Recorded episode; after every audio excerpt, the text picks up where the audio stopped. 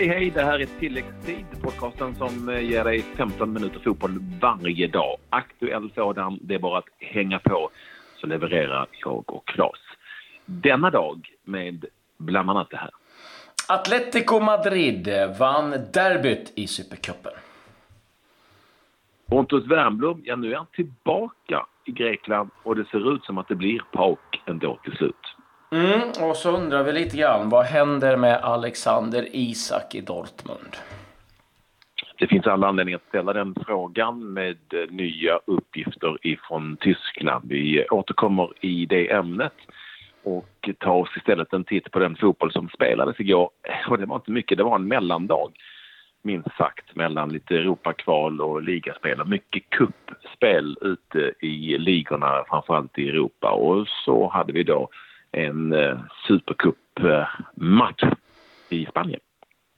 Ja, eh, det spelades inte ens i Spanien, men... Eh, nej, nej, exakt. Spansk supercupmatch. Spansk supercupmatch eh, på helt annan ort. Men Real Madrid, Atletico Madrid, det blev vinst till slut efter förlängning till Atletico Madrid. Diego Costa gav Atletico ledning efter bara en minut. Benzema kvitterade. Sen gjorde Ramos Eh, 2-1 på straff i den 63 minuten. Men Diego Costa såg till att eh, kvittera i den 79 minuten. Och sen var det Saul och Kocke som gjorde två mål eh, i förlängningen. Eh, så att då blev det en 4-2 seger för Atletico. Och eh, ja, det var väl inte riktigt den staten.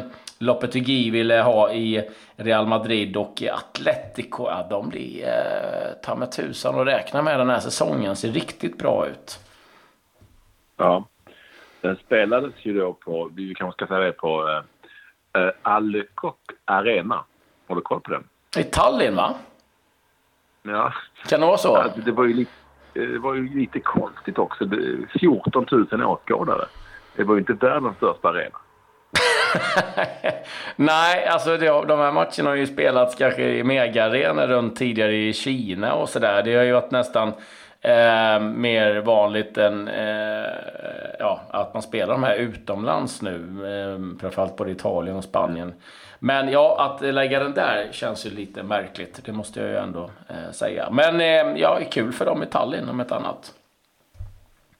Ja, och kul för Atletico. Det är klart att eh, jag vet inte hur mycket Supercuperna egentligen betyder, även om spelarna som vinner alltid säger att det betyder väldigt mycket och de som förlorar säger att det här är ingenting att bry sig om. Ja, fast det märktes eh, den här gången. Det är ändå derby och här gäller det liksom ja, att visa någonstans lite grann eh, var man står. Så att, eh, det, det, tyckte jag var ganska tydligt att eh, det här betydde någonting för, eh, eh kanske framförallt för Atletico. Så att, eh, Ja, och sju gula kort tyder väl på det också. ja, exakt. Eh, eh, så eh, det blev då Atletico som eh, vann första ronden kan man väl säga eh, den här säsongen vad det gäller Madrid-derbyn. Ja, du var inne på att... Nej, eh, Karlstad BK mot Gävle, Svenska Kuppen är vad jag hittar. Den vann faktiskt Karlstad med 1-0. Sen var det inte mycket ja, mer. Nej, du, du, får leta långt ner i påsen kan jag säga om du ska hitta någonting annat att rapportera om. Så det har varit väldigt mycket kuppspel i inledande omgångar på många olika ställen och inte mycket mer än så egentligen. En sorts fotbollens klämdag blev denna onsdag någonstans mellan eh, Champions League-kvalet och, och lite ligaspel. Och sådana, sådana kvällar får vi ju leva med, eller hur? Däremot så är det ju så att eh, finns en hel del rubriker att eh, pränt, sätta på pränt när det gäller övergångar och svenskar. Det ser nu ut som att Pontus Wernbloom ändå till slut hamnar i Thessaloniki och Pauk Saloniki. För eh, eh, det ska vara undertecknat och det ska vara klart. Ja, treårsavtal som kommer ge Wernbloom eh, en inkomst på runt 60 miljoner kronor, eh, kommer uppgifter om. Eh, agenten Karl Fager har sagt att han lämnar inga kommentarer och vet vi sedan tidigare att det ofta betyder att det är klart. Eh, så ett litet nytt äventyr då för eh, Wernbloom och framförallt en annan miljö. Han har väl varit ute efter kanske lite eh, varmare klimat än eh, vad det varit i, i Moskva och eh, Ryssland. Och givetvis skönt om det nu löser sig att, liksom, att, att ha ny klubbadress klar. Ehm, så att, eh, för snart är det dags ligasäsong. De är igång och kvalar redan. Så att, eh, eh, jag tror det kan bli ganska bra. Får vi se om sheriffen, eller på att säga, han galna presidenten där gillar Wernbloom. Det verkar som att han gör det i varje fall. Ja, det, inget, det verkar inte vara en kille som man vill komma i bråk med. Nej, i och med att han går omkring med pistol så... Han har pistolen i fickan. ja, jag kanske är därför han skrev på här nu. Uh, ja, uh, ja, jag kan inte skratta åt det när, när folk går in med pistol efter match. Men ja, lite humor är det ju i det ändå. Liksom. Ja, vilken galning. Men uh, ja, så det verkar som att Wernbloom nu då eh, kommer hålla till i Grekland. Ska väl säga det också att det är lite lurigt för några av våra svenskar i Turkiet i och med att eh, valutan där eh, sjunker ju som en sten. Så att nu är det så att de flesta utlänningar får betalt i euro. Men eh, det, frågan är hur länge klubbarna klarar av det här. För att det, det här tar ju givetvis tufft på de turkiska klubbarna ekonomiskt. Just så. Vi har en, en svensk övergång som ju är eh, kanske lite överraskande och lite udda. Det är ju då eh, norska Brann som gick in och plockade Jesper Lövgren som spelar för Mjällby i division 1, 21-åringen. Så där har de gjort en scouting där. Eh, mm. Och eh, Brann leder ju liksom norska ligan så att det är ju inte vilket skitlag som helst. Nej, där blir man ju faktiskt lite konfunderad över vad har Brann sett som inte de allsvenska klubbarna har sett? För att, eh, ja. eh, och det är väl en, en sån sak som man eh, eh, Eh, hoppas att de svenska klubbarna lägger ganska mycket krut på att scouta, liksom även division 1, division 2. För det har vi ju sett. AIK bland annat eh, har hämtat in bra spelare eh, ifrån de serierna. Ja, vi får eh, se hur det går för eh, Lövgren i Brann. Jag kan väl dra lite övriga övergångar eh, som då eh, är klara. Milan fortsätter att eh, värva och eh, nu har man gjort klart med Diego Laxalt. Kommer närmast från Genoa. Spelar ju VM för Uruguay. En ytterback, yttermittfältare. Och så börjar se ganska intressant ut för Milan där. Sassuolo har värvat in Marlon Santos. Eh, ja, en eh, försvarsspelare som tillhör Barcelona som inte har gjort någon glad där, men eh, verkar nu hamna då i Sao Solo. Eh, Wilfred Zaha, eh, Crystal Palace-spelaren, har förlängt med Palace ytterligare fem år. Och eh, ja, för 130 000 kronor, eh, eller kronor, pund i veckan för det besväret. Eh, sen ska vi säga det, David Ospina, eh, Arsenals målvakt, är eh, enligt uppgifter klar för Napoli på lån. För det är så att eh, Arsenal behöver också dumpa av en del spelare. Man behöver få ner lönebudgeten ganska rejält, kommer det uppgifter om i England. Och en riktig käftsmäll för Manchester City. Kevin De Bruyne skadat knät på träning, ett ligament och man tror att det här kan ta 3 till 4 månader. Och det Oj. är jobbigt för eh, Manchester City. Även om de har en bred trupp så är ju Kevin De Bruyne, liksom, eh, här snackar vi nyckelspelare på riktigt.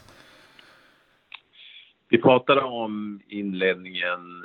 Vad är det som händer med Alexander Isak? Och det är ju förstås en fråga vi kan ställa oss som på något vis får ett eh, ännu större nyhetsvärde i Tyskland idag när tyska tidningar eh, låter meddela att Dortmund nu definitivt vill låna ut Alexander Isak, att han inte ens är aktuell när de spelar 11 mot 11 på träningarna, för stå vid sidan av. Det kommer sådana rapporter hela tiden. Eh, och då eh, handlar ju det om, framförallt om att man inte tycker att han är tillräckligt eh, eh bra för att överhuvudtaget vara med i en trupp och hoppas på någon sorts utveckling via utlåning. Det behöver inte vara fel, men det är ändå lite oroväckande.